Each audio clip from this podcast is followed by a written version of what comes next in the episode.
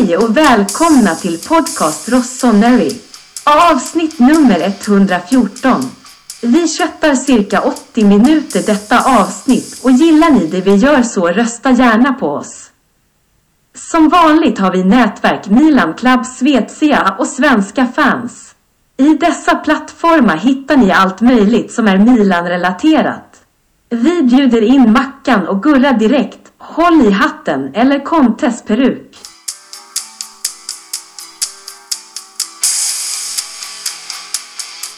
Ja, det löser sig. Fast vi brukar nog inte ha så kul. Nej, nej precis. Det här är så jäkla tråkigt. Vi gör det bara för att vi måste. Vi får Vi betalt. får betalt. För Emirates eh, betalar ju har en miljon i veckan till oss. Fick vi inte det heller. Mackan, välkommen. Tack så mycket. Så är Micke. Tack så mycket. Eh, Vi pratade med Dynamo Keep-tröja innan vi tryckte på rekord. Ja, hej, hej. Tack så mycket. Tjena också. Välkommen. Tack så mycket. Även du är faktiskt välkommen. Även om Mackan vill avbryta så att du säger att jag inte skulle vara välkommen. Men... Nej, men Vi säger att du är välkommen men du kanske inte är Ja, det. det vet vi. Känslan. är en annan sak. Du får känna vad du vill. Jag har, jag har inga känslor om det. ja, jag vet. Det är så jävla jobbigt. Ja. Man kommer inte åt den jäveln. Det är ju då att uh, Gurra sitter här och spelar in samtidigt som Real Madrid spelar mot Liverpool. Ja. Det måste jag imponera att du är här. Ja, alltså till skillnad från er som dig Micke som någon jävla skitliga eh, rankad 48 i Europa spelar, Ja, ja. Ja, spelar match. Och något jävla budgetlag. eh, jag, jag prioriterar detta. Ja, nej men Det är skillnad om Färjestad har spelat SM-final till Men exempel. jag det tänker bara så. Visst, det är en liten chans i helvetet. Men tänk om Liverpool vänder på det. Ja men det som jag har förklarat innan, hur den klubben sköts just nu med ägare och tränare och sådär. Jag, jag har tappat mycket av min geist där. Hade inte det varit för Milan så hade mitt fotbollsintresse med laglojalitet varit i princip dött just nu. Okej. Då börjar allsvenskan snart. Vi drar igång direkt eh, och... Leao på tapeten. Där finns ju rykte. Där finns eh, lite konkreta... Ja, alltså nu ska jag säga att det är officiellt. Men att han har... Milan erbjuder kontrakt nytt såklart. De har jobbat på det ganska länge. Allt från, vad sa du, 7,5 netto har jag tyckt jag läst någonting. Plus sign-on på två. Det var väl vad han krävde? Ja, så var det Milan erbjöd. Milan erbjöd 6,5 med sign-on tror jag. Det är ju bara rykten. Men ryktet säger ju också att tar han inte detta nu så säljs han till sommaren.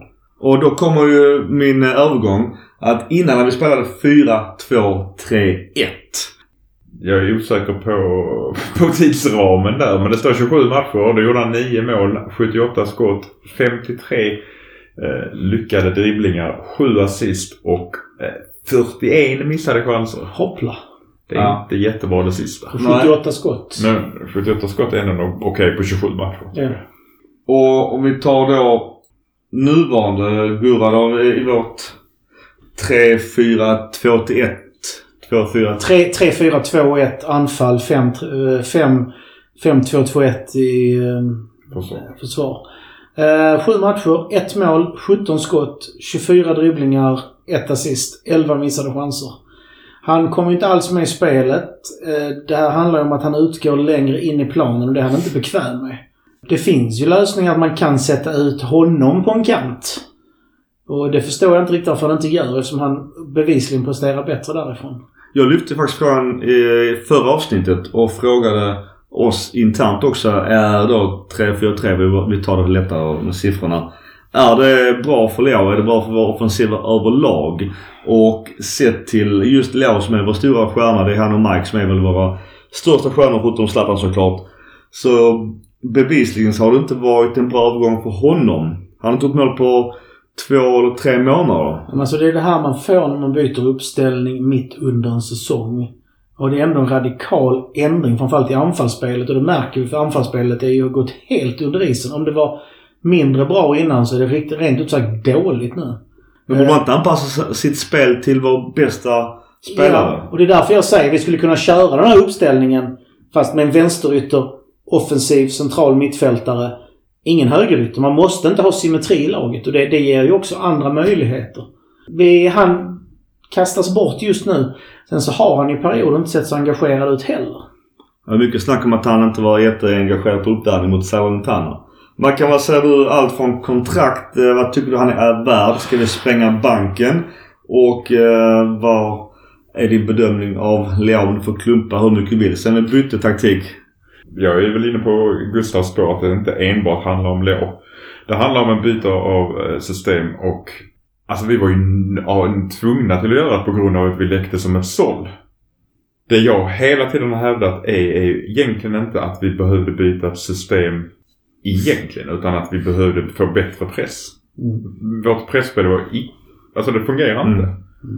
Och hade vi bara fått till det bättre i det gamla systemet så tror jag inte det hade varit så stor skillnad i insläppta mål. Istället för att räta upp vårt anfallsspel och få ordning på det, eller vårt pressspel, så stärker vi vårt försvarsspel. Och det innebär ju att då faller det andra tillbaka ännu mer. Så jag, jag tycker liksom att vi, vi, försöker, vi försöker stoppa en blödning med ett plåster. Jag tror att Pioli kände inget val. Han var tvungen att prova något nytt för att det gick inte bra efter, efter uppehållet. Helt rätt. Sen så är hela, alltså det blir väldigt typiskt att vi tittar på Leao, men det är ju hela anfallet. Giro har inte gjort lika mål som han gjorde förra landslagsuppehållet. Så att det är inte bara Leao. Man, får inte bara lägga all skuld på honom eller... Och att han går ner på tre mittbackar, det förstår jag. För ba- mittbackar är ju det enda lagdel där vi har bredd på kvalitet. Vi, centrala mittfältet har vi förvisso, men där är det redan fyra, alltså nu är det redan folk där. Men i anfallet finns det ju ingen bredd, alltså kvalitet med bredd. Du behöver gå tillbaks till just Leao bara för att ha den punkten så vi kan bocka av det sen.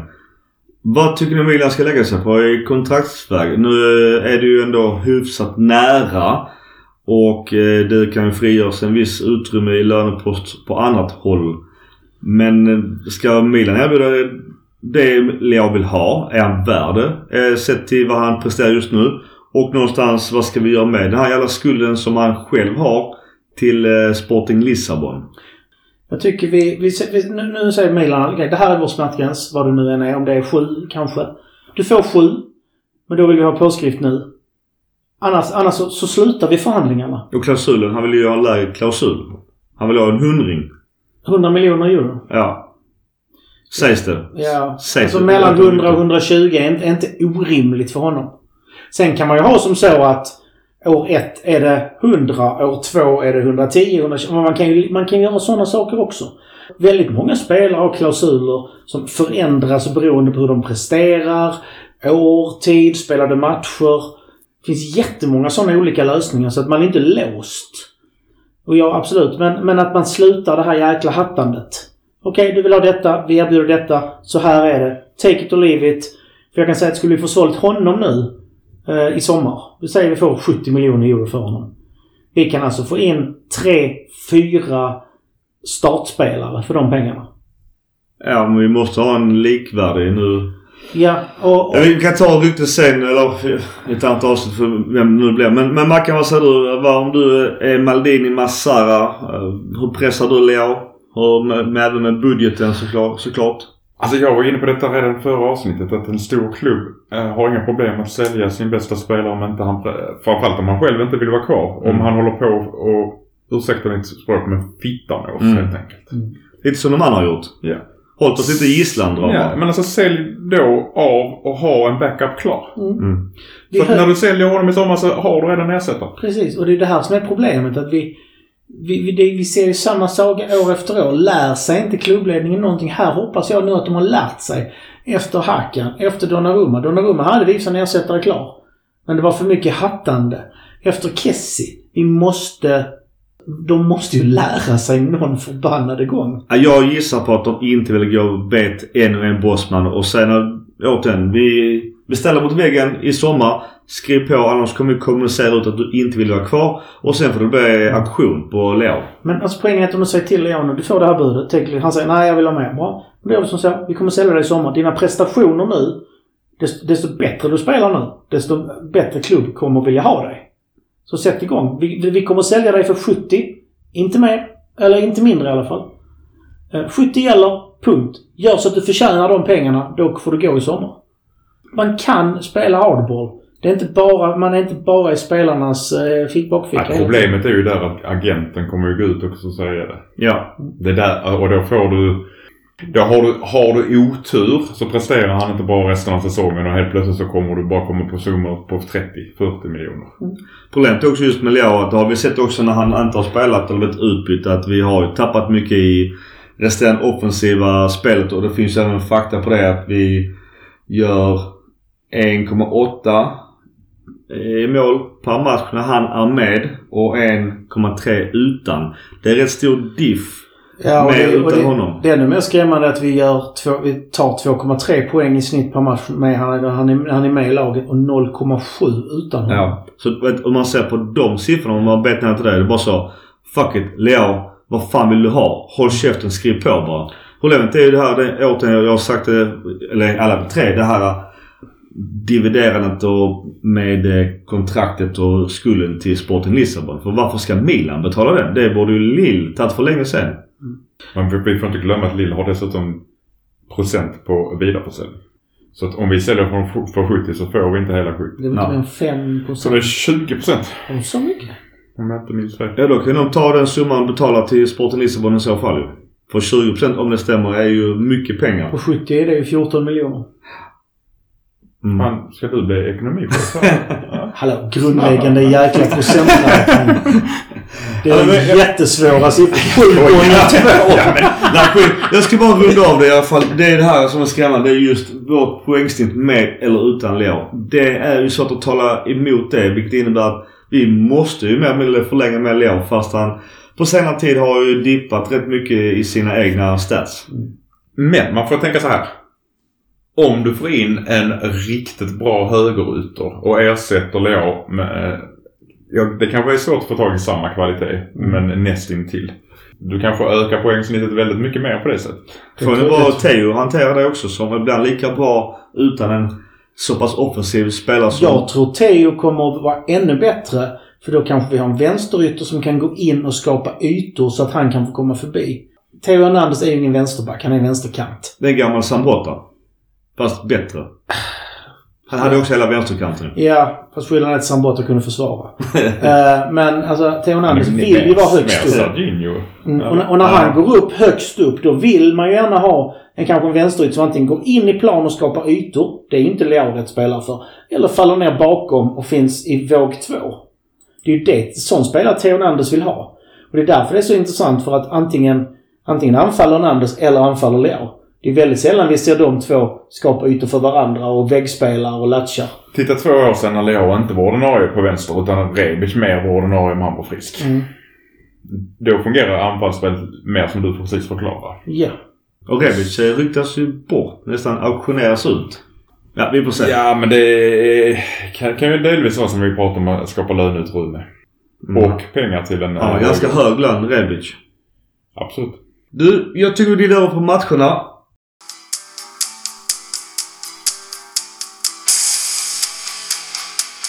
Då är vi eh, på Artemio Franchi. Jag var ju nästan där nyligen. Vincenzo Italiano. Jag var nästan där. Jag var ju i eh, Florens men jag var aldrig på arenan. Jag var nästan på Stadio Olimpico i Rom för, för, för, för sex år sedan. Jag var på Stadion Då, Olympico. ja, men jag var nästan där. Ja, jag var på Olympico. Eh, Vincenzo Italianos 4-3-3 inför 40 000. Och eh, man valde ju såklart att hylla vår gemensamma kompis i Astori i minut 13. Vi förlorar matchen 2-1. Spontana åsikter, det som startades var ju Tomori, Tiao och Kalulu. Eh, Kalulu gör en ganska grov försvarsmiss i början på matchen. Nu blir det inte mål i och för sig men det, han hänger lite tvätt. Sen så Hernandez, Tonali, Benazzo, Messias, eh, Ketlare, Rebic och Giroud startar för oss. Eh, här ser vi återigen att eftersom vår, vår avsaknad av pressspel gjorde att eh, de fick eh, domdera. Vi hade ju ingenting. Jag tycker när vi förlorar helt rättvist. De chanser vi får, de möjligheter vi får, det är tillfälligheter. Vi, vi ägde inte planen. Ja, det är ju Teo har ju målet och, och ett bra avslut. Mm. Där de får straff eh, i eh, matchen i början på andra halvlek. Nicola Gonzales slår in en jävligt starkt. Jag har att han också Han fick ju gult. Jag tror att det skulle nästan varit rött. Eh, Jag, vet, inte, jag har faktiskt kommer inte ihåg mer än att det var jävligt orange. De får straff. Mackan, vad säger du om eh, straffen som ikonen? Och eh, Tomori jävligt orutinerat är på, jag vet inte om han är på ikonen. Så det som jag sa borde finnas någon rättvisa. Borde faktiskt ikonen fått gult kort för filmning. För det är en vuxen atlet som är topptränad. att Man trillar inte sådär. Problemet är att du får inte gult kort om det är kroppskontakt. Mackan, vad säger du om den här straffen eh, Fiorentina får? Bryter dödläget. Alltså så här, allting beror på att Tomori faktiskt gör ett dåligt jobb. Mycket dåligt jobb. Han är efter direkt. Han är efter direkt och eh, det är orutinerat att gå så nära benen på honom. För trillar han så är det utan VAR är det straff varje gång. Ja. Oh ja, det, det Och med. VAR har du kanske gått ut. Ja. Och den här är ju uppenbar. Alltså vi har VAR och det blir ju uppkollat. Ja. Så att jag har faktiskt inte mer än att säga att jag eh, lägger detta på Tomori. Ja, det gör det absolut. Jag bara, min poäng är bara att Fan att det, det ska, man pratar soft penalty så jag, jag tycker att det är så jävla enkelt att få straff. Du är framför spelare där inne och så trillar du. Man skulle kunna jämföra det med en match senare som vi hade nu i måndags. Där Teo faktiskt också får en Ja. touch. Och det släpps. Den är mycket Det tydlig. är också en soft penalty om det blir penalty. Men det är en kontakt. Det är ju frispark på mittplan som brukar få säga Gurra. Är det frispark på mittplan är det ju straff. Ja. Jag vet inte fan ens, ja detta, ja fan, alltså jag tycker bara att det är så jävla lätt att få straff.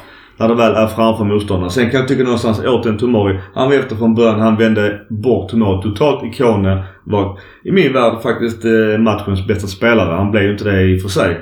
Men att sen också Tiao är ju också och hjälper till Tomori. Så att han borde faktiskt bara släppt ikoner där. Alltså hela...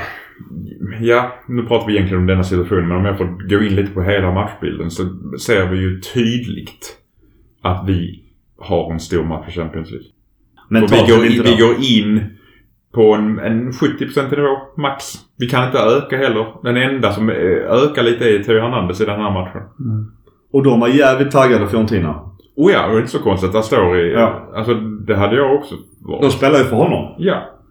Jag skyller detta faktiskt till stor del på Pioli rent, alltså hela matchen. Mm. För hans är ju den som ska få dem till att leverera på 100% även om vi har en stor match.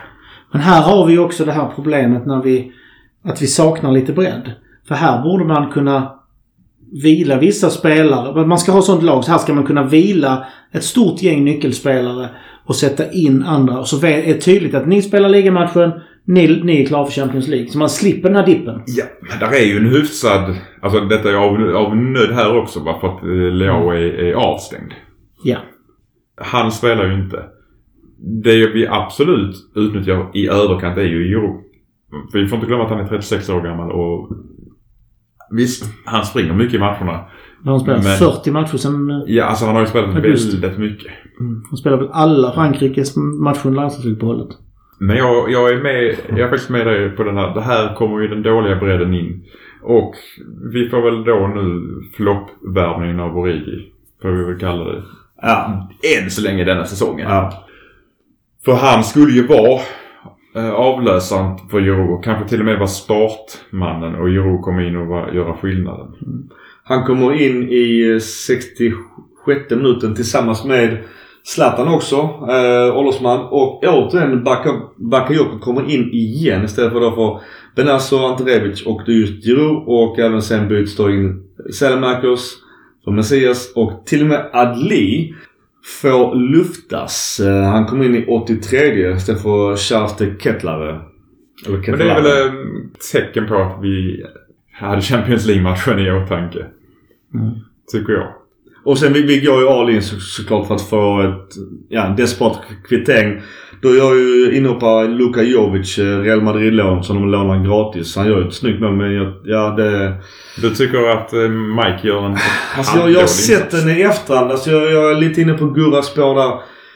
Inlägget kan inte, kan inte gå någon annanstans än på Jovic. Eh, och jag, jag har ju alltid, alltid annars hyllat Mike för att han är så bra på att läsa spel. Eh, han hade ju stått som en slips på linjen, linjen i alla fall ju.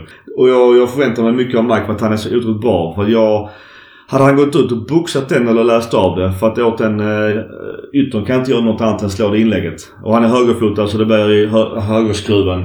Men alltså, ja, det är bra. Sen är det ju inte att eh, Mike är som så nära att ta den då. Men, men Men sen är det det. var det jag skulle säga. Jag Jag trodde du skulle hänvisa till vad jag faktiskt sa. Det gjorde du inte där. Men det som är grejen när du står som målvakt själv. Du har en boll som kommer in från sidan och har utåtskruv. Alltså du lämnar inte linjen där för du, du, bollen går ju bort ifrån dig. Du kan inte göra och gör du det som risken att du, att du missar ännu större. Så att Mike gör inget fel där i och med, i och med att skruven är bort från målet. ah, jag, jag kan inte belasta Mike för målet. Utan det är återigen dåligt försvarsspel. Ja. Att ändå Jovic mellan två backar kommer till. Det, det är inte bra. Den här matchen blir det extra tydligt att vi förlitar oss på vår defensiv mer än vår offensiv. Rent rakt, alltså generell. För vi får frisparkar på offensiv planhalva. Och alla passar hemåt till backlinjen. Det måste ju vara direktiv på något sätt. Det här är ju problemet när vi bara satsar på en defensiv och ingen offensiv. Och det är ju det att om de andra tar ledningen så har vi inget motvapen. Nej men alltså... på- Jag får, du, alltså Fiorentina pressar ju sönder oss Mm. i första halvlek. Ja. Vi, vi ska ju faktiskt vara glada att det stod 0-0 i paus. Ja, Tomori är redan bort på mållinjen. Ja, så att jag förstår inte varför vi envisas med att gå via backlinjen varje gång vi ska göra ett anfall. Speciellt inte när matchbilden ser ut som den gör. Ja, och, vanliga fall brukar ju annars antingen Tonali eller då Benazzo gå ner och spela ytterbacksroll för att få spelutrymme och sen spela bollen därifrån. Det gjorde vi inte alls på samma sätt i den här matchen mot Fiorentina. Då blir det att, att, att Tomori nu gör, jag gör i och för sig några bra uppspel. Men han får stå och slå långbollar. Det är ju inte där vi ska vara heller. Precis. Tiao, Bakayoko och Kalulu gör bort sig då. Du tänker på målet. 2-0 målet. 200 målet ja. Ingen ligger på rätt position. Alltså vi anfaller, alltså vi anfaller ju med hela Ja, laget i ja. situationen. Vi har inget val. Och det måste vi göra när vi ligger Ja. under. Men eh, jag säger återigen det som jag sagt om Origi hela säsongen. Det märks att han inte varit ordinarie sedan 2015. Det låter, jag låter som en trasig skiva men... Eh, Det som är lite positivt annars det är faktiskt att Adli och Selmax ligger ju faktiskt bakom vårt eh, reduceringsmål som Theo bombar in i, in i krysset. Det är väl egentligen enda bollen. Men jag, jag tycker någonstans återigen det hela, jag inte om man ska skylla på Pioli eller... Ja, ja det är klart det är Pioli är ju coach och huvudtränare så det är ju han i slutändan. Men återigen det mentala. Alltså vi, som jag sa, huvudet var ju redan i London. I denna matchen. Ingen ville bli skadad såklart ju och då är ju mentalt, ja som du sa 70% och det räcker ju inte. det är därför man ska kunna ha en rotation i de här matcherna. Av just den anledningen. Men eh, annars en lyssnarfråga. Eh, just går vi händelserna före men just Tottenham-avancemanget där det vet ju alla. Hade ni hellre åkt upp mot Tottenham men tagit full poäng mot Salentana och Fiorentina det vill säga fem poäng till i ligan. Åkt ut mot Spurs. Japp. Det här är lite som en kissa i sängen. Det är, just nu är det rätt skönt att gå vidare. Vi får pengar. Men ser du långa loppet så är det inte så jäkla trevligt. Att missa Champions League på grund av detta. Ja om vi skulle göra det ja. Om vi skulle göra det. Då är de här fem poängen väldigt kostsamma. Väldigt kostsamma. Mackan åsikt. Du är ju som Galliani och Berlusconi med Champions League-kille. Kanske är. Jag tänker så här att missar vi Champions League nästa år är det ju viktigt att gå så långt som möjligt i år. Ja. Ur en ekonomisk synvinkel. Mm. Eller vinna Champions League. För då är För då är vi delaktiviserade. det Det kan hade varit sjukt jobbigt för Zlatan Ja. att vinna Champions League med Milan men inte fått spela Champions League. Ja, Jag har ju vissa Interpolare som säger Som just har sagt det för att kul hade varit om han... Alltså det hade varit jätteroligt. Och så kommer han inte med i truppen. Men det är också en lyssnarfråga. Kan man regga nya spelare till kvart? Nej men Giroud verkar ju tro det. Han har ju sagt det i, i en intervju efter. Ja men jag tror han spelar. Nej, det kan du inte. Du, du kan, om, om du får många skador på målvakter kan du få göra en efterregistrering på en målvakt. Så så länge han inte är målvakt så... Kan regga han som målvakt och sen vara utbytt... Eller Alltså- inbytt som utspelare? Rent kra- Nej, det kan du inte för målvakter dedikerade platser i truppen och du måste ha med minst två. Så nej, det kan du inte. Ja. Men nej, Zlatan kommer inte spela i detta årets Champions League mer. Eller han har inte spelat alls, han kommer inte spela. Men frågar du mig rent krasst. Välja att gå vidare Champions League i år till kvartsfinal eller spela Champions League nästa år så hade jag givetvis valt att spela Champions League nästa år. Ja. För det är en kontinuerlighet i, och pengar. Mer pengar Ja. in såklart. Precis. Men i år har vi väl dragit in cirka, de, än så länge får vi tillägga, sju- 70 miljoner euro på Champions League-spelet. Ja, jag, jag har också läst, jag har läst någonstans också att det kommer sen någon form av sponsorbonus och sånt liknande på ytterligare 25-30. Detta, ja, detta handlar bara om Uefa. Ja, precis. Så det är ju, det genererar mycket men... men Och inspelade tv-rättigheter. Alltså det är inte Ja. bara Uefa. Så att, Ja, och sen det också och, och alla pengar på publiken. Så, och, och vi har ju faktiskt två, eller en hemmamatch kvar. Och menar, fick vi 9 miljoner euro på matchen hem mot Spurs, då kommer vi få minst 9 i kvarten. Så att missar vi Champions League nästa år så är det ju jätteviktigt att gå så långt. Men du var lite ful och svara på faktiskt en helt annan fråga än vad jag ställde. Men jag kör på det. Men jag är ju jag är lite ful. ja, ja, det var Jag borde vara politiker. Ja. Mackan har aldrig svarat på en direkt fråga. Så, jo, han svarar på den och tre andra som inte är ställda. Jag måste också säga att jag gick ut ganska hårt och sa att vi kommer att spela Champions League det året vi spelar Champions League första. Om ja. ni går tillbaka till avsnittet så sa vi kommer att spela Champions Och League. vi minns vad Kalulu, sa i förra avsnittet. Det vill säga 98%. 98 procent. Det var nog innan de här fem poängen. På tal om just eh, Champions League då ju och i, om man jämför med fjol då efter 25 rundor. Vilket då det var efter just Fiorentina. Då hade Milan 55 poäng. Och denna säsongen hade vi 47 poäng. Så att uh, det är ju en tydlig diff och tapp i jämförelse med vår guldsäsong. Och jag har sagt även om vi hade tagit 55 poäng i år också så hade vi ändå legat 10 poäng efter Napoli. Ja. Ja men Napoli är ju en annan, det är en annan Alltså- nivå i detta år. Ja, alltså de, får med sig resultaten. Men jag har sett några matcher. Jag tycker inte de... Alltså de imponerar inte. Men de vinner matcherna. Jo men som man såg vår match hemma. Vi var ju klart mycket bättre än Napoli. Men åt de, de gjorde mål på två mål på en chans. Påminner vissa om våra matcher i fjol där vi inte var riktigt bäst. Men vi vann ändå. Jag skulle precis säga det. att De är rätt lika oss i fjol. Mm. Men att de får... De är effektiva. Ja. Än vad vi var i De lär ju bli sönderköpta till nästa år. Det är väl enda trösten. Jäklar vilka rykten det är utifrån. Ah, vi får väl se. Men så vi ser om de lyckas göra sådana supervärvningar igen. De ersätter liksom Koulibaly med någon, vad är det, sydkorean va? Ja. Som går in hur bra som helst. Och det var andra sådana värvningar. Jag såg värvnings... Jag såg in och utspelarna. Men det är det jag menar. Det är så Milan ska fungera fast man ska inte sälja av alla de bästa spelarna. Nej, precis. Såklart. Men de har verkligen träffat helt rätt. Alltså, det är därför jag menar på, jag tänkte... Jag, jag tror jag sa det också i något avsnitt att eh, med tanke på vad de har gjort sig av med. Synnerhet då alltså profilvärvningar. De kommer tappa och sen så rätt så trött Spalletti och gör det fel. Det är bara att säga. De, de har ju träffat hur rätt som helst medan vi har träffat ganska dåligt i våra nyförvärv. Nu har ju faktiskt Thiago levererat och det är faktiskt snack om att köpa loss Branks ändå. Eh, senast jag läste om honom. Jag tror inte det är en dum idé. Alltså det som jag sagt innan. Det, de få minuter han har fått har han gjort vad han ska. Det var ju tyvärr att han eh, andades på Dybala och sen dess har han varit i frysboxen. Och det går inte att andas på Dybala när, när han är... Om man ska göra det så ska man väl göra så att Dybala inte spelar mer i så fall. Ja. Men visst, frysboxen och frysboxen men... Nu låter jag ju väldigt pragmatisk men vem ska han peta? Nej. Nej. Alltså vem ska han peta? Bakayoko. Ja men alla matcher har varit viktiga tycker vi. Och Bakayoko, jag håller med dig där Micke. Jag börjar fundera allt mer på om det finns någon klausul att han ska få ett visst antal minuter per Måste säsong. vara det. när han är- För att jag hade ju hellre tagit in på Bega. Ja. Eller så tänk... Ja, ja. Nej, Doktor jag, eller på doktor på bägge. Doktor. ja, det är ju lite synd på bägge om han får stå tillbaks i sin utveckling. För Som, som jag sa, alla vet att han var ju ordinarie i Toro. Och var skitbra där. Och nu måste nu få stå tillbaks på en klausul. Jag tror han kommer ordinarie från med nästa år. Det är Och vem kanske... ska han peta? Det är ju det ju. Benasser nästa år. Nej. Benasser tappar. Nej. Han blir bättre. Tycker du? Ja. Vi får se. Ska vi ta en liten bisats om Benazzo? Absolut. Han tappar ju inte bollen. Nej. Alltså det kan se ut som att han håller på att tappa bollen. Men han har bollen ändå. Ja, Det är otroligt sällan han tappar boll. Ja men alltså, eh, jag har nytt kontrakt dessutom. Han eh, ligger på minst 50 om någon ska ens nudda honom. Minst. Ja, men Mm. PL-klubb kommer så är det 60. Absolut. Och kommer Paris är det 70. Ja, Jag blir, inte, jag blir absolut. inte förvånad om Benasser säljs. Och det som du säger, jag tror Paris är de som kommer köpa honom. Ja, då får de upp till 70. Milan kommer släppa honom för 50.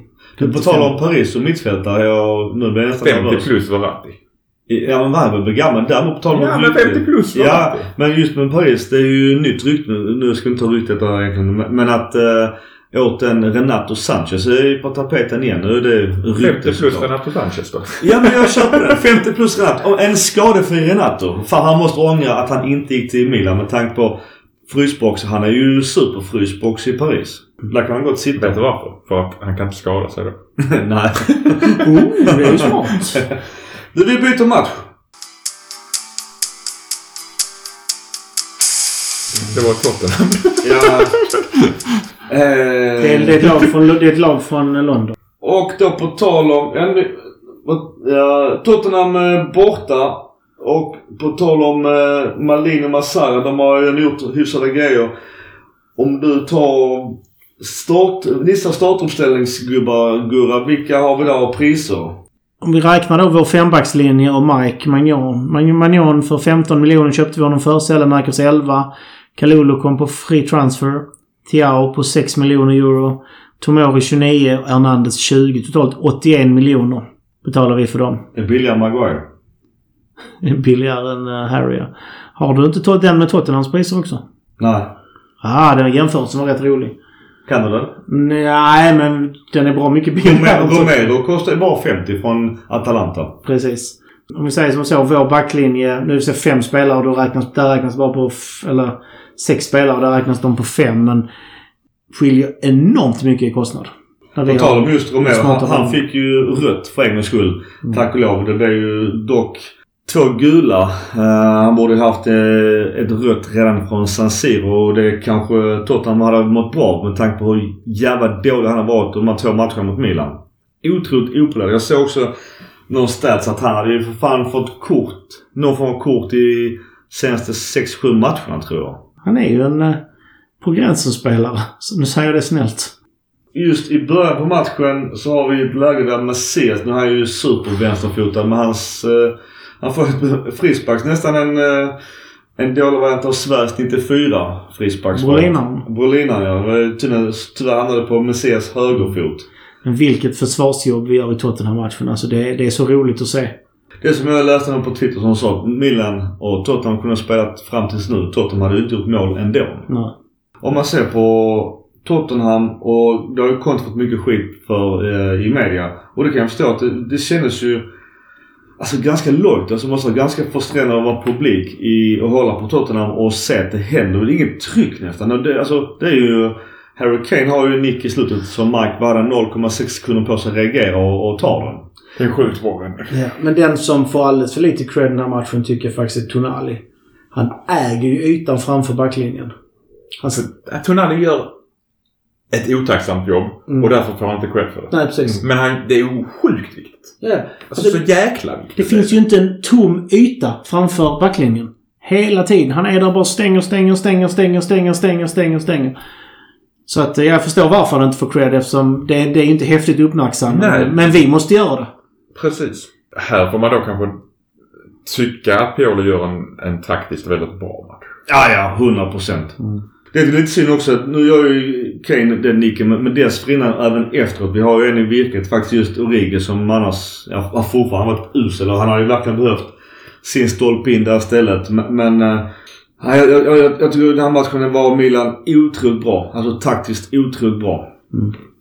Man skulle kunna faktiskt dra paralleller till Grande Milan med, i försvarsmässigt. Ja. Där, vi, där vi kunde i match efter match försvara en 1-0-ledning.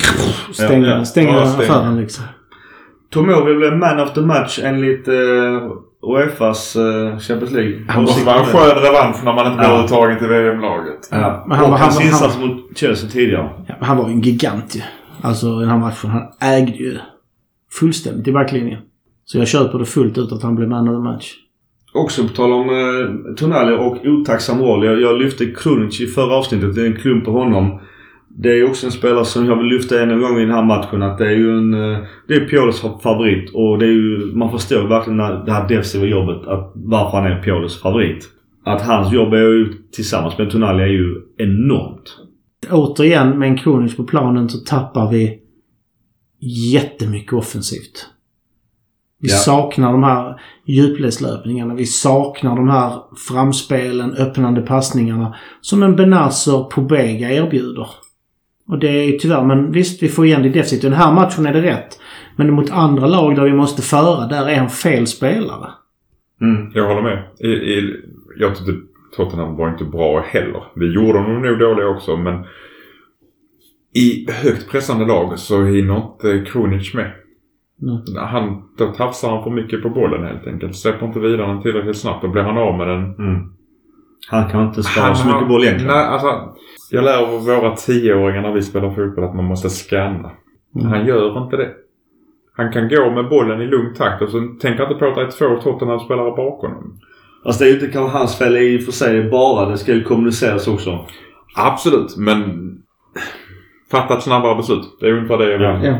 Jag håller med. Alltså han är en perfekt spelare att sätta in i slutet, stänga ner, låsa. Men inte för 90 minuters kreativitet. Det Men det, det var ju inte därför vi åkte inte till London för att vara kreativa. Nej, nej, men jag säger den här matchen köper jag det. Men vi har sett honom i så många andra matcher. Där han dabbar med bollen. Det är också mycket, Benassa har ju varit skadad. Och Ja. man har inte vågat på Bega av någon konstig anledning till och med backa Jocko då. Men alltså just rent defensivt. Det var Milans fjärde nolla i rad i Champions League. Vilket ändå är ju någonting väldigt stabilt defensivt. Mm.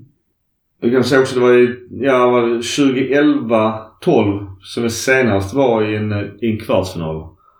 Och eh, då slog vi ut ett annat norra Londonlag i, i Arsenal. Vann med 4-0 i första matchen och förlorade med 0-3 i den andra. Ja. Vann gick vidare med 4-3. Varför, varför inte göra det spännande för publik? Kommer ihåg den matchen mycket väl. Zlatan var fly förbannad. Vi ledde med 4-0 när han var skitsur på Pato. Kommer jag ihåg. Han passar inte bra. Han passade inte så att han, Zlatan hade öppet mål om han hade passat.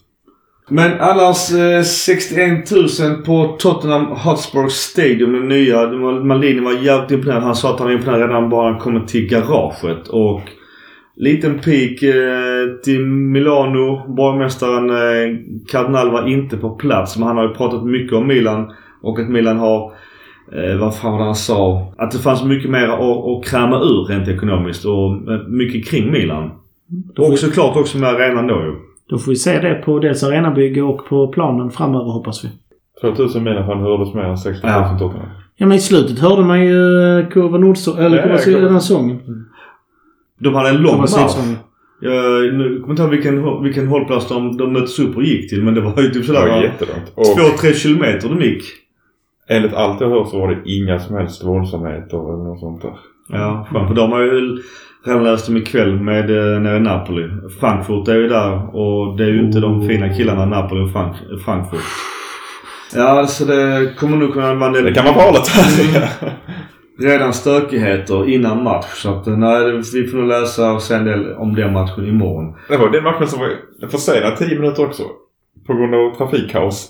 Ja, Milan. Jag tyckte det var snyggt gjort. Lagen var ju på plats. Ja. Men det var ju alla, alla som hade köpt biljett hade inte kunnat komma in för att det var trafikkaos. Ja. Så jag tyckte det var snyggt gjort av. Uefa för en gångs skull.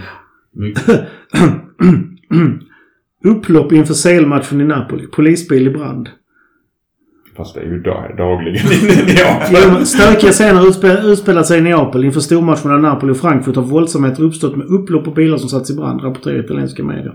Nu när den har update där i mobilen. Vad står det i uh, matcherna? Det måste vara halvlek nu ju. Vi ska se. Ta fram de här. Liverpool, Real Liverpool 0-0. 0-0 i båda matcherna. Vilket innebär att med stor sannolikhet har vi tre italienska lag i kvartsfinal. Med tanke på att någon sa att den ligan var död. Mm. Tillbaks till vår Champions League-match. Tottenham.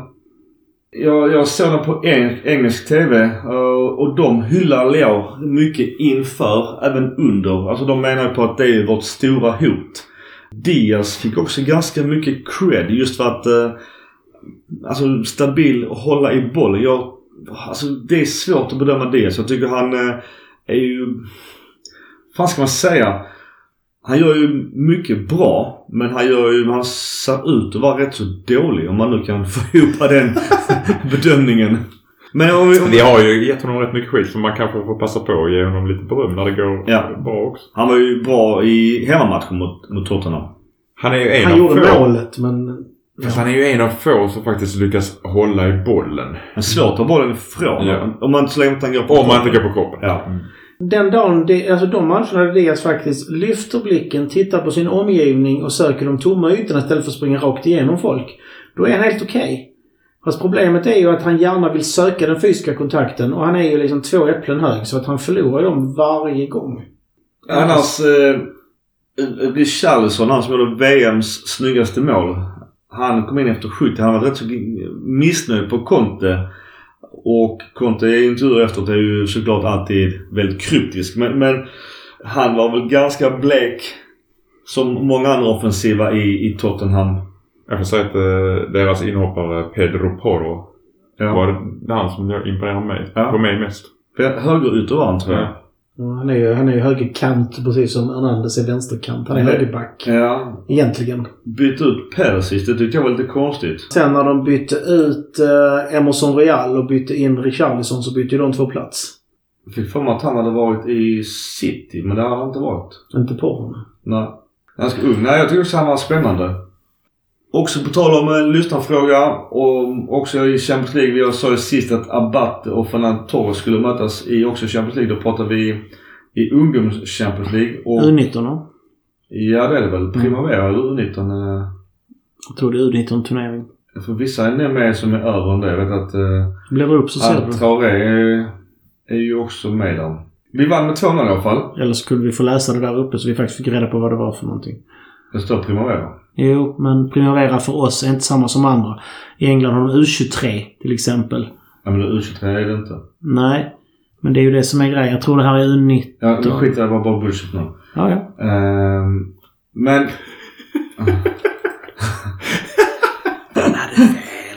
Nej, det är U19.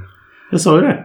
Annars slutar vi också vidare med, med ungdomarna. Det är ju att även Bologna slogs. Och fråga också om vilka spelare som är duktiga i u också kommer till oss. Jag, jag kan säga att jag har jättestor koll. Det, det är ju Xhaka Traoré som är ju den stora stjärnan i, i ungdomslaget.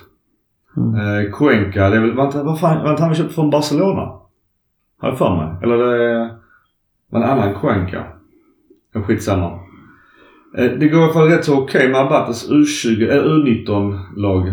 Vi kan väl säga också så att Donnarumma blev ju intervjuad efter matchen. Lite hånfullt. att hans Paris åkte ut igen. Han gjorde lite bort sig hemma i Paris. Och, men han var ju diplomatisk och var ju nöjd med och glad för Milans skull. Men alltså det jag säger som jag tror hela tiden att han älskar Milan. Han, eh, det är fortfarande hans favoritklubb. Han är ju en son av laget liksom.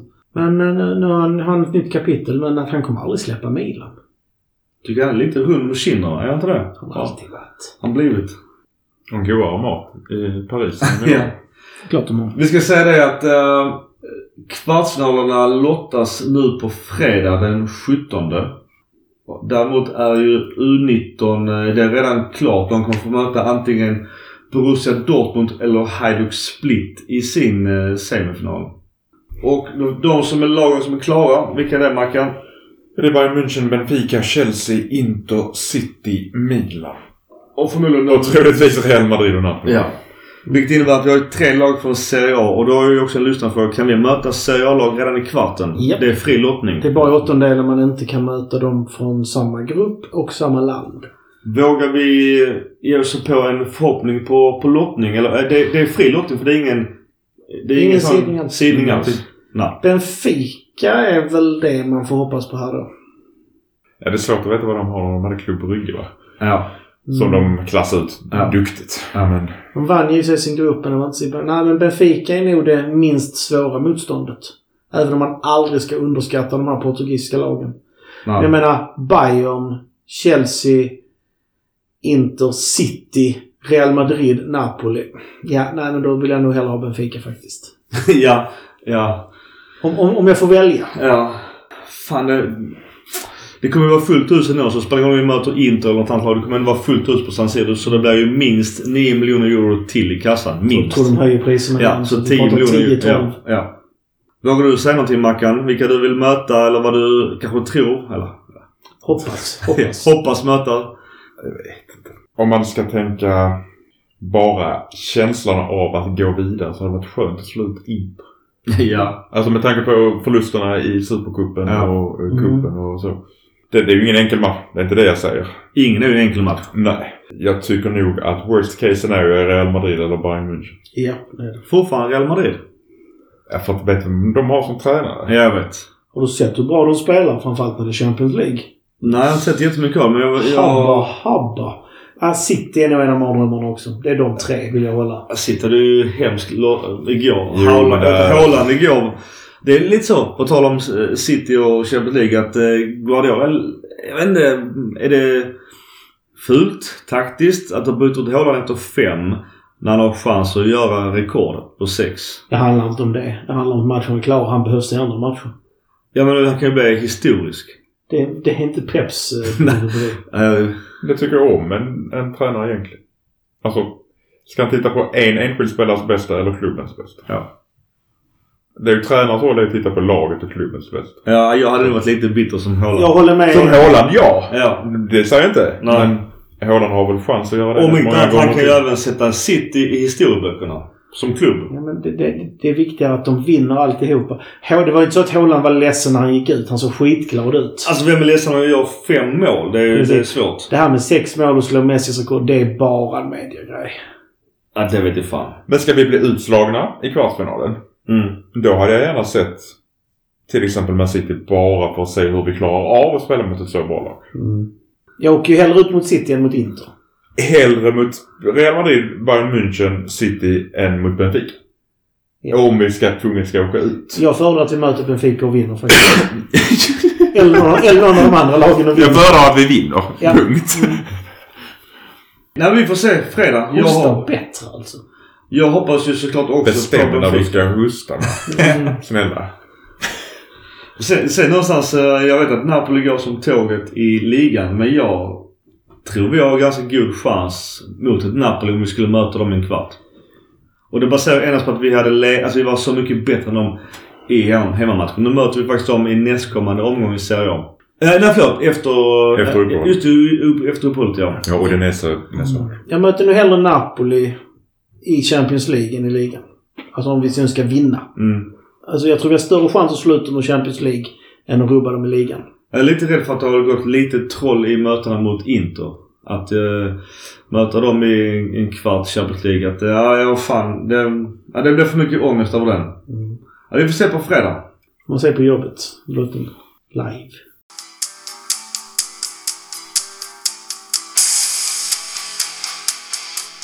Då är vi tillbaka i, jag på att säga Serie A-lunken. Men det är då hemma mot Salernitana.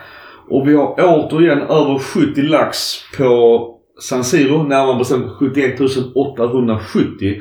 Och jag kan säga att Empoli-matchen är redan utsåld också. Så då är det 75. Och då kommer ju den logiska tanken. Vi kan ju inte bygga en arena som är mindre än 75 om man nu ska bygga en ny arena. Det blir ju helt vansinnigt. Vem har sagt detta skitlänge? Och det är ju, hoppas jag också att må- många förstår. Ja, nu räcker alla upp handen ja. Ja, men nya, vänta lite här. Ny arena kommer höja biljettpriserna. Det kommer inte ha lika många på, på läktarna varje match. Varför är San Siro utsålt? Jo, för att du har fortfarande råd att gå och se fotboll. Mm. Ja, eller så gör de alltså att de håller nere priserna just för att fylla. Så att det blir samma ekvation liksom. Ja, men jag tänker så här. Vi bygger en ny arena på 80 000 så kommer vi inte ha 80 000. Vi hade, vi hade haft fullt på San Siro för att det är billigare att köpa en Ja, men jag tänkte, då, då är jag lite inne på, jag vet inte om jag sa det förra eller någon annan gång, att eh, likt som, som Köpenhamn FCK. Att de har ju på parken att ena, ena raden, eller längan, heter ett sponsornamn X. Nästa sponsor Y och så vidare och så vidare. Och sen har då ett arenanamn. Vi säger, nu har vi redan ett, ett tröjsponsor på, på magen som har rätt gott om flis. Bara så du vill ni fuckers ha med, med ännu mera flis. Sätt ett namn på arenan. Den heter Fly Emirates Arena eller vad fan ni vill kalla den. Ni kan kalla den för Sandy Mirab liksom. Jag bryr mig inte vad den, vad den kallar. Bara ni betalar en jävla massa pengar för att kompensera biljettpriserna. Då kan det vara att vi har 80 lax på arenan fort, fortfarande. Jag ser hellre en arena med 80 och vi ligger mellan 70, eller 65 och 75 på alla matcher. Än att ha 70 och vi ligger ungefär fullt. Även om det är samma så har vi möjlighet att opta. Alltså gå upp de här sista. Det är ju dumt att Alltså, jag, begränsa jag, sig. egentligen vill jag också ha en stor. Jo, för, för det. problemet är att vi bygger en arena för 70. Och sen börjar vi vinna ligan år efter år efter år. Då, är, då kan jag garantera att, att få biljetter kommer nästan vara omöjligt. Ja. För framgång gör att... Och det var dyrt också ju. Ja, och då sticker priserna ännu mer. Hittills år ligger vi i alla fall i snitt på femte plats i hela Europa. Och det är då bra. har vi ju mindre arenor än vissa andra. Ja. Men därför borde vi bygga en på 80. Vet du vilka som är topp fyra där då? Men Barcelona är etta. Ja, det, ja precis. Men det, där är ju aldrig folk på läktarna. Det är biljetterna de är ju säsong... Ja, precis. Eh, Jag tänker på Bayern München. Har väl eh, skitsamma alltid också. eh, Vad var det mer? United. United, ja. Och sen var det en till som jag... Dortmund. Nej, de var inte så stora. De tar bara... Alltså den är skitliten den här. Men skämtar du? De tar ju 80. De tar inte 80. Jo, jag har varit där. Är det den som tar in 80? Jag har varit på Dortmund. Den är ju typ alltid Vad, full. heter, vad är det den heter? Västfallen. Kan det vara Inter? Oh, nej. Nu vet jag fan. Ja, Jag gissar på Västfallen. Men ja, nu är det ju... det tror jag gissar. Men i alla fall, poängen i alla fall. Och det är bra Ja, vi... 381 000 Westfallen stadion. Att vi då på femte plats är ju jävligt bra. Det är ju jävligt bra klirr i kassan. Men det är deras gamla som är så jäkla liten som de växte ur.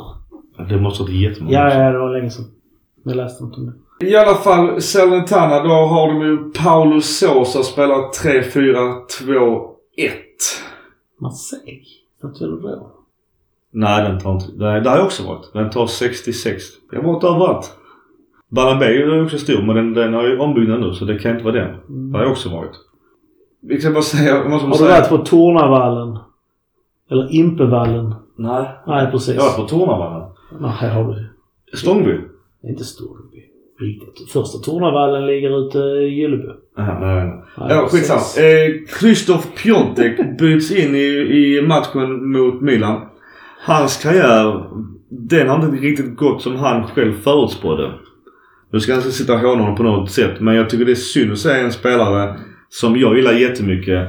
Som jag också någonstans trodde på. Att han är avbytare i Salernitana idag och kommer in och är iskall. Alltså, han... Innan han kom till Milan var han skitbra. I början i Milan var han riktigt bra. Ja. Sen gick någonting troll. Ja. Men, men detta var väl också under den tiden då vi hade Humle och Dumle på kanterna som aldrig slog en pass liksom. E- Ego-Humle och Ego-Dumle. Jag tror att han ska spela med en snabb anfallare bredvid som han gjorde just i, i Genua. Jag tror däremot han hade, alltså, hade fått tillbaka honom i den for, alltså, som han han kom till oss. Och satt honom bakom två playmakers. Eller framför två playmakers. Som vi har nu. Är tanken ju. Så tror jag han hade kunnat göra mycket mål. Detta är också en match där vi eh, ser sömn ut. Eh, Champions League bakfulla. Vi, som jag sa, vi tog en av de här sex poäng kring Champions League-matcherna. Första halvlek är ju bara dålig. Där händer faktiskt ingenting. Det känns otroligt sömnigt. Sen gör vi faktiskt mål i rätt kort inpå i andra. Men alltså, det var hörna va, till Djura. Där han förstår ganska ohotad och, och nickade in och då kändes det som att ja, okej nu, nu rider vi på det ju. Och dessförinnan har just då gjort en cykelspark. Eh, det var egentligen den enda bollingen i, i första tror jag. Ja, den, den var värd att få gå in den, den frisparken. Vi hade det chanser som gick precis Ja. utanför. Till och med Zlatan applåderade Djuro där. Mm, och då gillar jag honom. Som är så imponerad av Mike Mignon hela tiden. För han är alltid med. Han ligger där. Han, ligger, han, ligger, så han står ju aldrig fel. En sjuk brytning han gör mot Dia i, när han kommer fri. Ja och då står det 0-0. Då, då är det Tiao som nickar bort den här. Det är lite konstigt av Tiao. Men just eh, Mikes... Eh, Jag tänker det här, det är ju frilägesutvisning om man Nej. ser det från... Så titta, du har... Ja, jag vet. Nu ser man ju. Ja, Men om du ser det från andra hållet Ja, ja, ja. innan.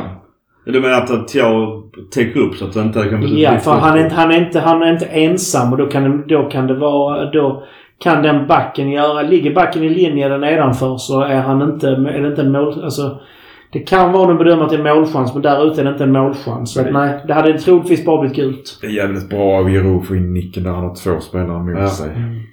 Eller det, nicken kan vara första halvlek förresten. Nej, det var... 46 minuter. Precis innan halvtid. då. Alltså, annars så är ju som vanligt när vi möter Santana Ochoa, gamla manager favoritmålvakten. Han är ju... Han var även bra denna matchen ju. Eh, deras mål, alltså jag vet inte vad som händer faktiskt i backlinjen. Helt plötsligt så är det ju ett, alltså jätteyta. Jag vet inte, Tomores, vet inte, han, är ju helt felplacerad Tomori. Tomori, Tiao och Hernandez missar i kommunikationen. Och sen dessförinnan då, eh, därefter så är det ju en, eh, vi pratade om det tidigare Mackan och det är ju straffen på eh, Theo Hernandez som inte blev någonting. Det blev inte ens VAR. Det här är inte Theo Hernandez. Nej. Nej, är... Ja men vi, ja, men vet, vi, Okej. och, och då, det tyckte jag var mer klar än nästkommande på Benazer. Där han blåste straff som var sen tog bort. Men frågan är, Det kanske till och med skulle varit två straffar för jag tycker Benas, den på Teo är ju... Det är en tackling bakifrån. Jag tycker den på Teo är, är klar. Jag tycker att Benassa förstärker så mycket så att han kan få skit bara för att han förstärker så Ja. mycket. Spontant känner jag att Benazzo filmar Hernandez kan mycket väl vara en straff. Så kan Jo men det, det, men, men nej, nej, stopp, stopp, stopp, stopp och belägg Gurra. Mm. Du sa när Ikone var förbi Tomori, då var det en solklar straff. För det är touch. Jag sa att jag kan se varför. Jag sa, jag sa, det där är en filmning utan dess like. Du sa bestämt det var straff. Nu, när det är Theo, han är en filmare, absolut. Men, han blir tacklad, han får... Pratar, pratar vi Hernandez eller Benazzo situationen? Jag sa Theo. Ja, men där, är jag med. Alltså, han får en tackling, han får en armbågstackling bak i ryggen. Och han trillar såklart. du men- sa, lyssnade du på vad jag sa precis? Ja. Jag sa att den med Benazzo kände, kände jag var en filmning av Benazzo. Nej, men du sa men, Theo. men, Du sa Ja. Theo. nej, lyssna nu. Ja, jag lyssnar. Du, Men kan du kan, kan du, nu, nu, nu, nu, truten, Benazzo kändes som en filmning, men Hernandez kan mycket väl vara straff sa jag. Ordagrant. Ja, det får vi lyssna in sen. Jag, Absolut. Jag sa ordagrant bägge situationerna. jag tycker återigen att eh, får Ikonen straff då kan jag tycka att man kan blåsa på Teo också. För visst, det är ju folk kring Teo. Men han har en tydlig armbågstackling eh, bakom sig. Jag, jag tycker det... Ska det ena vara straff ska det andra också vara straff. Och det, återigen min poäng är hela tiden med VAR och synnerhet Serie A. Att är det så att ja, Rabiot kan ta med handen i straffområdet och skjuta emot Juventus. VAR godkänner det. Så är Juventus. Men när det kommer till Milan låter jag bitter för jag, och det är jag också. För att jag tycker återigen att vi tappar den här matchen i onödiga poäng. Men det, det, det finns ingen konsekvens i bedömningen och det är det som jag tycker är så jävla dåligt. Nej men absolut. Och som sagt, Hernandez kan, kan mycket väl ha straff i den situationen. Och återigen, det finns också om man tar en stillbild och liksom ikoner så kan man säga att det finns kontakt också mot Benazos ben. Så att jag menar återigen, ikonen fick straff för Fiorentina. Eh, Benazzo fick inte straff för Milan mot Salernitana. Och återigen, vi, alltså, vi måste vara bättre än att det ska avgöras av en enda situation. Vi, vi ska Ja, vara bättre än... Ja. Nej men alltså, vi, kommer ner på sån här detaljnivå. ikonen. Ja, vi kommer ner på sån detaljnivå men vi, vi ska vara bättre än Salernitana. Vi ska vara bättre än Fiorentina. Vi, vi- det ska inte komma ner att, att vi inte får en straff ska inte vara det som gör att vi inte får tre poäng. Alltså vi, vi ska vara så pass mycket bättre. Ja. Och Cho var ju bra men jag håller med att vi eh, var ju som jag sa, vi sömnade den här matchen och Champions League-bakfyllan och dessförinnan det kostar oss fem poäng av sex. Mm. I Champions League. eh, Vi har, Det är ju inte ovanligt, även bland större lag, Nej. än vad Milan är just nu. Att du tycker det är lite halvjobbigt med de där matcherna innan och efter. Ja. Sen den, den bollen där i Kalulu redan på mållinjen. Hade det blivit mål eller en offside där eller hur tänker Han man är där? inte offside. Du har en back som... eh, Är inne i målet. Nja, det, det är från... För det så när bollen slås tror jag att han är, har målvakt och en back nedanför sig. Ja för jag, jag tänkte så fan, fan vad surt att han redan till och med med handen på mållinjen. Det är Mm. lite bittert. Eller mycket bittert. Kalulu som inte har varit så bra på sistone får i alla fall rädda ett mål. Synd att det var fel mål. och vi kan väl säga att Salernitana det är deras första poäng någonsin på San Siro. Det är synd bara att det hamnade just mot oss. Eh, jag kan säga också just vi är inne på Diaz när han har gjort 100 matcher i Europas topp 5-ligor. Det är ju ändå imponerande. Jag vet inte om han har gjort för Milan men det är väl snart någon form av medalj för dem också i Milan. Eh, vi har också en, en fråga, lyssnarfråga just med hörnor. Och eh, Milan har gjort ynka två mål från hörnor under eh, 23. Och det var Kalulu mot Roma och nu då Giroud mot eh, Salernitana. Och jag stack ut hakan innan eh, i sommar så att vi skulle göra minst 10 hörnor eller vad fan var det jag sa. Med långa spelare som Zlatan, Giroud Det är lite eh, tid kvar. det är Ketelare. ja, det känns ju tufft. Uh, lite hur mål vi har på hörnor. Kommer vi få se Zlatan på start nu här eftersom Jero fick... Eh, Mot fick- Udinese. Tog ja. ett gult kort. Fy fan vad länge han sökte det gula kortet. Det hoppas jag. Alltså för vi vet ju att Origi inte håller. När är nästa match? Lördag 20.45. Ja, Udinese i Udine. Japp. Det är ingen lätt bortamatch. Nej. Alla lagen tappade ju i toppen förutom såklart Napoli och det är lite roliga är att just Inter tappade också lite så inför Champions League. Men det var ju att eh, Maldini Junior gjorde sitt andra mål i Serie A. Han har lyckats göra mål på San Siro mot just Milan. Han har gjort tre mål. Han gjorde ett mål för oss. För oss som nickmålet på nästan på Ja, första säsongen så. Ja, denna säsongen. Alltså denna säsongen. Jag tror det var du sa i Serie A. Jag tror med Serie A totalt. Nej, Mm. denna säsongen. Mm. Så han har gjort mål mot Milan och Inter så det är ju lite imponerande. Det, nu tror jag att hans farsa kunde få jubla på riktigt. Han är både inbytt och utbytt. Och mål. Här får han lov att jubla tror jag. Det får han definitivt. Det roliga var ju efter den här matchen så var det ju Interfans som var inte jättenöjda och Hacken med flera gick ju bort till eh, fansen ju. Så skulle han ta av sig sin tröja och ge de här fansen för någonstans stilla deras vrede. Var ju kommentaren du kan behålla din jävla tröja på. Jag vill inte ha den skittröjan. Ni är helt värdelösa. Så han fick ju snällt ta på sin matchtröja igen ju. Alltid kul när det går dåligt för Hackan. Det tyckte du inte när han spelade med ja, det gick inte så bra för han då heller. Exakt.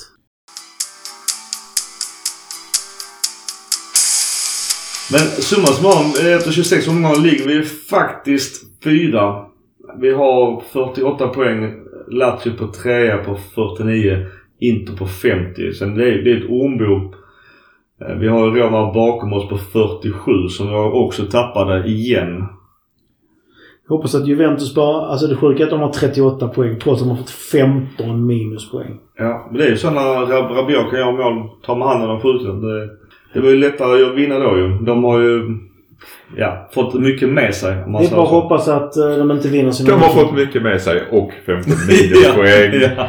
Och, nu- och det ryktas om 20 till också. Så det är en ny utredning. Men som sagt var, jag, eh, jag tycker Juventus är det stora hotet. De har överklagat det nu.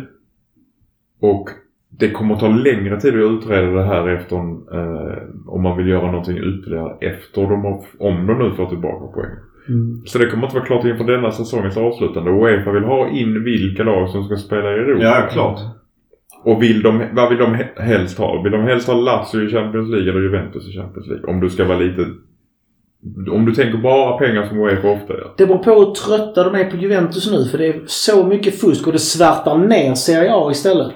Det gör det ju. Jag, Men- jag tror att det skulle höja Serie A status om Juve inte fick spela där. Ja, det håller jag inte med men jag tror att eh, Uefa vill ha med Juve för att Ja, någonstans... men nu är nu pratar vi Serie A.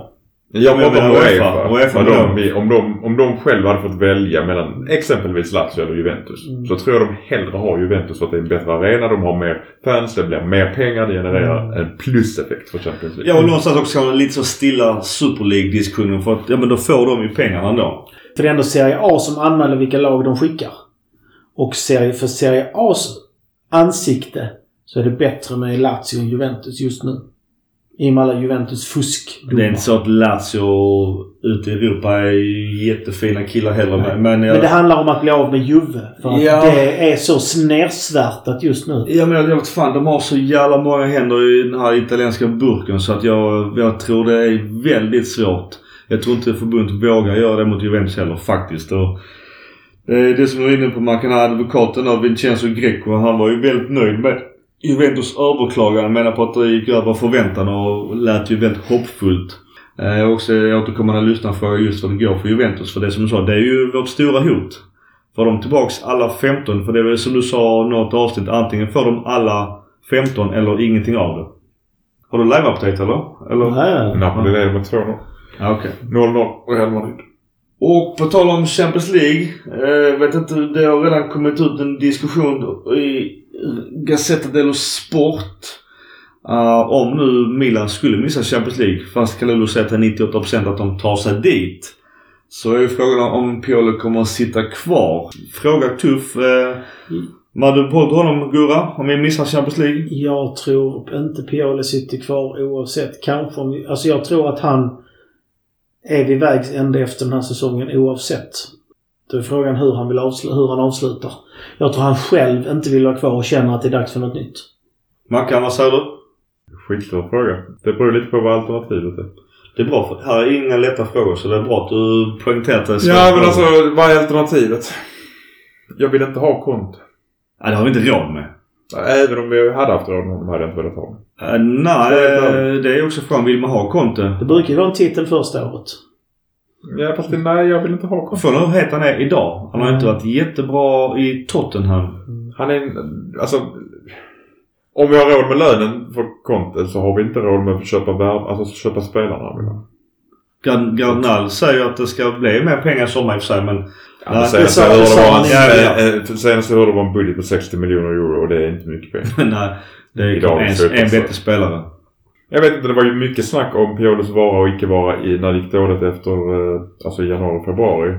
Eh, Men nu hörs det inte lika mycket om det för att han har vänt lite på skutan. Mm. Jag vet inte. Jag, det känns ju faktiskt som att, att eh, han har omklädningsrummet med sig. Ja, ryktet annars är ju... nu- Återigen, nu rykte vi, nu pratar vi mars månad så det är ju mycket om och men. Men jag blev lite nervös när jag såg ryktet. Jag kan sätta med just Luis Enrique, gamla Barcelona-stjärnan. Ja, Jag är inte så negativ till det som du är. Ja, Jag ser inte alls... eh, Jag, jag han- gillar honom som coach. Jag gillar det spel han har stått för. Jag tyckte han var riktigt dålig i Barcelona. Nu hade ju, hade ju Messi och allt vad det innebar men han gjorde inte Barcelona på något sätt bättre. Ja, men tvärtom. det han har gjort i landslaget det är faktiskt imponerande. Vad, vad var det så imponerande där? Spanska landslaget, hur de spelar. Sidled? Nej, jag tycker det är väldigt raka linjer. Var det inte Sverige som tog poäng mot dem? Och han blev utbuad efter det? EM senast var han ju, tyckte jag de spelade bra. Ja, ja, ja, ja vi får se. Det, det är ett rykte. Jag, jag vill inte säga Enrique om det skulle bli aktuellt. Jag vet att han och Massara har en, eh, en historia. Men eh, nej, det, ja vi får se. Det viktigaste tycker jag är att det är klubbledningen som bestämmer vilken form av fotboll vi spelar och att vi fortsätter på den linjen. Ja. Och då tar in en tränare utifrån det tänket och inte byta tränare och helt plötsligt ska göra om hela laget. Drömmen är Tuchel. Jag tror han hade funkat ganska bra. Han är tyvärr dyr men jag har också sett Tuchel också. Det låter ju sjukt att säga när man pratar om Chelsea men han lyckades ganska bra med Chelsea som inte hade alla världsstjärnorna som de Nej. en gång har och faktiskt har köpt till sig på senare tid. Ja. Chelsea har ju värvat mycket nu, men de har värvat med en, med en 5-10-årsplan. De spelarna har värvat. Att det knackar nu är ju inte konstigt. De här, det här ska vara, de här lagen ska, ska vara som bäst om ett till två år och det vet de om. Det är därför inte Potter har fått sparken. För du kan inte göra så mycket värvning offentligt att allt bara ska klicka. Tuchel eh, i Milan nu tror jag hade varit mirakel. Och han var inte dålig i ligan med Chelsea heller. Men det var en knackig period och ja, någonting skar sig med ägaren och då fick han gå. På tal om ägare. Rykte är inte vad man måste ta för det är ett småkul. Inter blöder ekonomiskt så in i helvete. Och eh, det kommer ju ett rykte att Donald Trump var småsugen på att köpa Inter. Det har varit lite kul för, för ligan. För det är ju, om inget annat så blir det ju väldigt mycket, mycket uppmärksamhet och han har ju gått om flis. Så att han hade ju... Shit vad de hade fått pengar. Ja, jag vet. Helsike vad de hade värvat. Ja, jag vill inte säga det för att eh, han hade gjort rätt mycket gott Inter. Fast han har ju inga pengar. Uh, va? Han har hur mycket som helst. Donald Trump har inga pengar. Sitter i hans företag. Precis. Han Om- har inga pengar. Ni, alltså, ni, ni måste börja läsa lite killar. Han har inte särskilt mycket pengar. Men om hans företag, eh, vet du, om Trump eller vad de heter. Men kolla hur mycket minus som går. Snälla, Okej. kolla upp det. Han Ja. har inte särskilt mycket pengar. Han får sälja sin skyskrapa. Vilken av dem? Ja, det, det är ju också ett rykte men det, det, det, det lär väl inte hända. Lite inne på landslag och eh, Hansi Flick har valt att inte kalla upp eh, Malik Chow. Och det är väl kanske inte jättekonstigt. Han har väl faktiskt bara spelat vad är det, fem matcher nu för Milan. Så att eh, han är väl, eh, som man säger, för framtiden. Han är väl låst till tyska landslaget eller? För att finska är väl kört. Eller han kanske inte vill spela för fin, Jag tror inte finnarna riktigt han vill spela. Nej, jag tror inte heller det. Däremot så har väl Kalulu förtjänat en... Kalulu ja. Han eh, har också fått sin eh, riktiga landslaget denna gången. Inte bara U21 och eh, det är väl han eh, värd. Och det är väl en jävla fjäder i hatten. Eh, Inte, inte så som han har spelat på slutet tycker jag, men uh, sett över tid så är han absolut värd. Men jag tycker han har varit bra de senaste fem matcherna. Tycker du det? det, det är ju en försvarsmiss i Fiorentina. Och Ja men det ledde inte till något... nej, tack och lov inte mål där.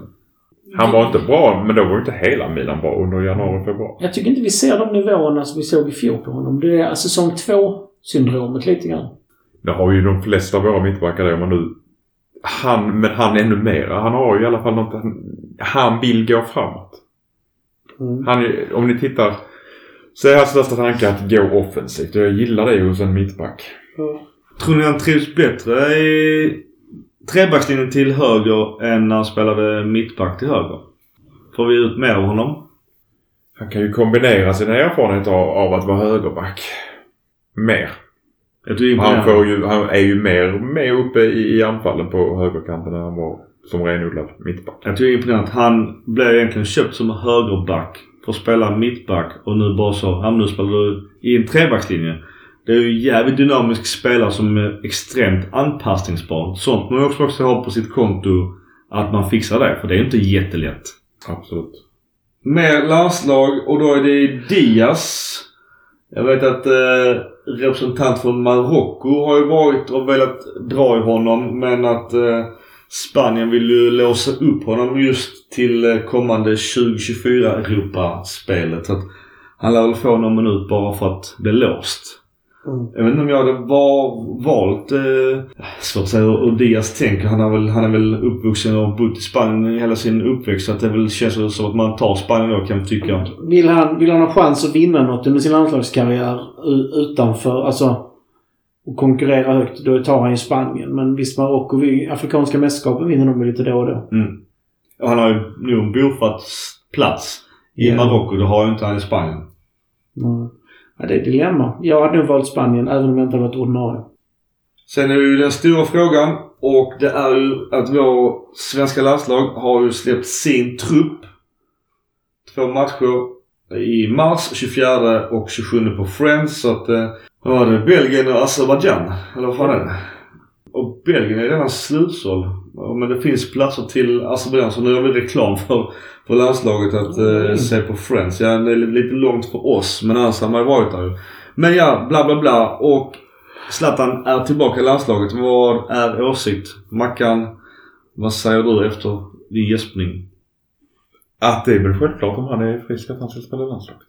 Ja, vill du se han spela eller vill du bara ha med honom? Mm, I dagsläget vill jag bara att han är med. Kan kanske göra något inhopp för att eh, komma igång i matchform men eh, inte från start. Det sparar lite på krafterna till Milan. Ja, Vi behöver det. Bara att han blir skadad på någon tråkig träning. Gurra, vad säger du? Zlatan, landslaget 41 år. Absolut. Ännu ett rekord som han tar. Ja, nej, men jag tycker det är klockrent. Han, eh, han, han, han, han bidrar ju verkligen med någonting i en av världens bästa ligor. Så varför skulle han inte kunna bidra med någonting i det svenska landslaget? Kanske inte starta, för det kommer Isak att göra, men att bli inbytt, eh, kunna erbjuda ett alternativ. Att erbjuda en, eh, en forcering i slutet eller försvara på defensiva hörnor. Alltså bidrar med så sjukt mycket mer än bara på planen också. Det är alltså det han gör med bollen. Ja. Utan han lyfter Alla- ju alla runt omkring sig. Alla mjuka värden som vi brukar- brukar prata om. Mm. Och du, den här truppen, eh, Karl, Karl Starfelt. Vem fan är det? Har ni koll på det? Du har väl lite mer koll på landslaget? Sådär. Men, ja, nej, men det, det är väldigt mycket nya. Vi ser, vi har ju bara en riktigt etablerad mittback till exempel. Ja, Victor Nilsson Lindelöf. Alltså det är ett väldigt... Det är många nya spelare som nu ska få chansen att bygga sin tid i landslaget. Emil Holmen, han spelar väl i Serie A, har för mig. Han tyckte jag är ändå ganska duktig. En lång jävel som vänsterback. Eller högerback. om Höger, högerback. Ludvig Augustinsson har ju vänsterbacken där.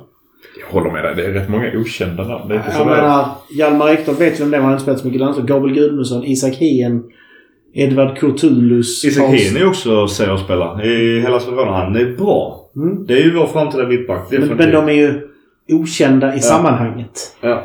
Och ni, ni som följer Allsvenskan mycket mer än vad jag gör borde ju känna till flertalet av de här spelarna. Nej. Borde. Ja, är det inte MFF så alltså, har jag inte så jävla bra koll. Vi kan ta oss eh, som sista grej innan hit and shit. Det är ju att eh, vi kommer ha en ny form av upplägg kring Supercupen. Och då Serie A-vinnarna med då eh, tvåan i Serie A och final, finalisterna i Serie, heter det, Coppa Italia. Då blir det troligtvis så att om, eh, alltså, om, det krockar så tar man ut de två cupfinalisterna och sen kanske plats tre och fyra i ligan. Om det är samma spelare. Samma lag. Misstänker jag.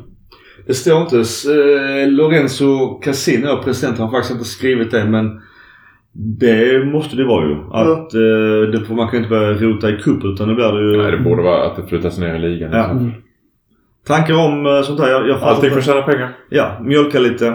Mm. Det lär väl... Två matcher till. Då blir det istället för en match så blir det ju två, tre matcher istället i eh, Saudiarabien. Eller vad det skulle vara så. Det är Saudiarabien. Mer TV-pengar, mer publikintäkter. Ja. Tråkigt för lagen är att det blir fler matcher. Ja. Och det är... Och för oss fans är det ju omöjligt. Det blir två matcher istället för en. Det är inte, men, men då blir det lite grann, jag vet Spanien hade för några år sedan, då var det alla cupomgångar var dubbelmöten. Och Supercopan var dubbelmöte.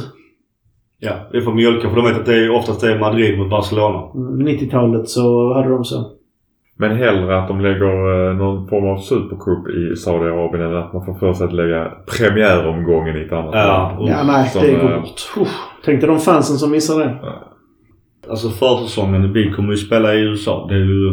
Det känns Alltså ju gör vi inte klart. det så är vi dumma i Ja. huvudet höll jag på säga. Det är Ja. ju helt det, är det vi ska göra nu. Kan vi värva in någon uh, Johan Rehn eller någon sån amerikansk spelare också? Men vi kommer ju inte köpa Dest. Det tycker jag är lite synd att, att Dest inte har fått Nu är han ju skadad men i detta systemet hade det väl kanske varit ganska intressant att se honom på Ja. högerytterposition. För då är det lite mer som han kunde vara just i Barcelona-Ajax.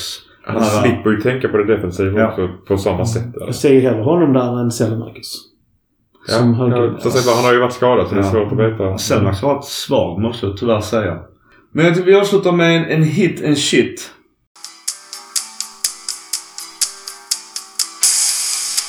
Hiten är att vi gick vidare i Champions League. Eh, shiten är att vi förlorar fem poäng på två matcher runt omkring Champions League. Ja, den är jag Tackar med vi på. för idag. Hejdå! Jag, Jag var tvungen att ta den innan du tog den bara! ja, vi stal ju dina bägge förra gången. Ja, jag är helt med på den Mackan. Det, det är ju... Men jag kan lyfta allt annat och det är ju det ekonomiska just i Champions League. Att eh, det är ju mycket pengar. Och nu kommer en hemmamatch till och det, som jag sa innan, att det blir väl minst 9-10 miljoner euro bara i biljettintäkter och sen allting därtill. Så det är ju fina pengar åt en, eh, att Milan är en mer attraktiv klubb. Att gå till en, en kvartsfinalist i eh, Champions League är ju någonting som eh, många spelare vill göra såklart. Då är man ändå Alltså det är topp 8 i Europa. Det tycker jag är en väldigt hög hyllplan. Så det är min hit att Milan faktiskt nått ett hyllplan högre än, än i fjol.